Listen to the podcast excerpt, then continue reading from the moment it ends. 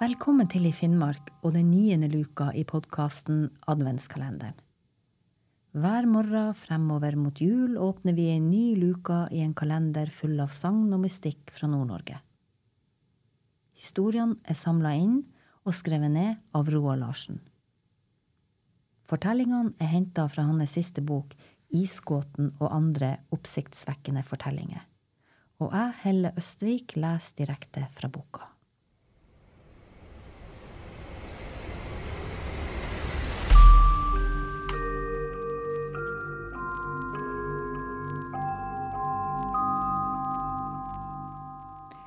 Vi åpner den niende luka med historien Grål. Det som nå skal berettes, skjedde en stund etter andre verdenskrig på et sted i Jarfjorden, en fjordarm av Varangerfjorden i Sør-Varanger kommune. Her bodde en eldre mann som het Grål, sammen med sine to voksne sønner. Grål var en skikkelig gjerrigknark for til tross for at han økonomisk satt godt i det, forsøkte han å unngå å bruke eller gi fra seg penger. Han ønska å spare penger der det var mulig, og det var lite eller ingenting av denne formuen som tilfalt sønnene hans.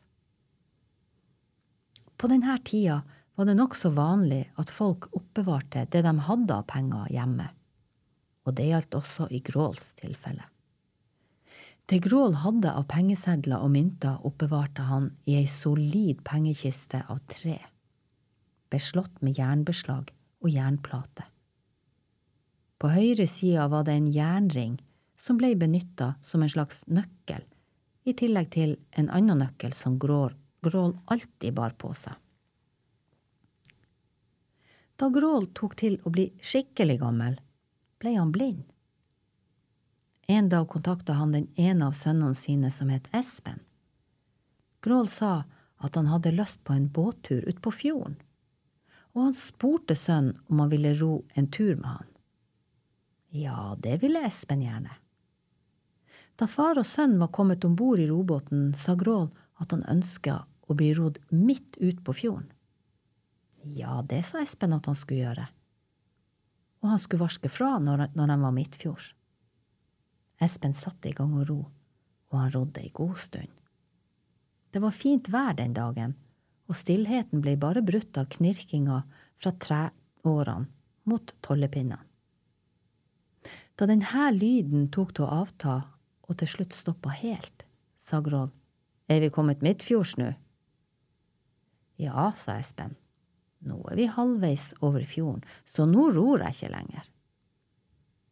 Da reiste Grål seg opp i båten, stakk den ene handa inn under jakka og dro frem en sekk med noe inni.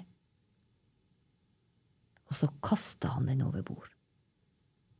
Og det måtte være noe tungt som var inni sekken, for den sank til bunns med det samme. Da det var gjort, ble Espen kommandert av faren til å ro til lands, i den retninga de var kommet ifra. Ja, det skjedde også og etter en stund var de i land, og Espen hjalp den blinde faren sin, sånn at han kom seg hjem. Men Espen ante vel litt at det lukta muggent av hele saken da han fikk beskjed av faren om å ro ut på fjorden. Han tenkte nok at det var et eller annet gamlingen hadde fòret, for han var jo av den typen som likte å stikke bort mynter og penger sånn at ingen andre skulle få tak i dem så sønnen hadde ikke gjort det faren ba om, men hadde i stedet rodd langs land. Da den blinde faren heiv sekken ut i havet, var båten bare et lite stykke fra land. Etter at Espen hadde hjulpet faren i hus, gikk han ned i båten igjen, og ved hjelp av en svenskepilk festa til et snøre, klarte han å krøke fast sekken og ta den om bord i båten. Og da Espen åpna sekken, var den full av pengesedler og verdifulle mynter. De her verdisakene delte han med broren sin, og det gjorde at de og familien deres fikk et litt lettere liv enn de ellers ville ha fått. For på denne tida var det mye fattigdom og nød. Brødrene fortalte aldri faren Grål, så lenge han var i live, om hva som virkelig hendte den dagen gamlingen hadde vært på havet for siste gang.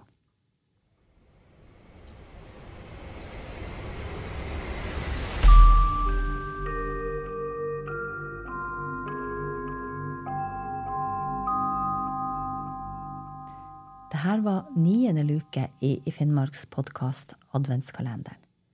Mitt navn er Helle Østvik, og jeg har lest historien Grål fra Roald Larsens siste bok Isgåten og andre oppsiktsvekkende historier.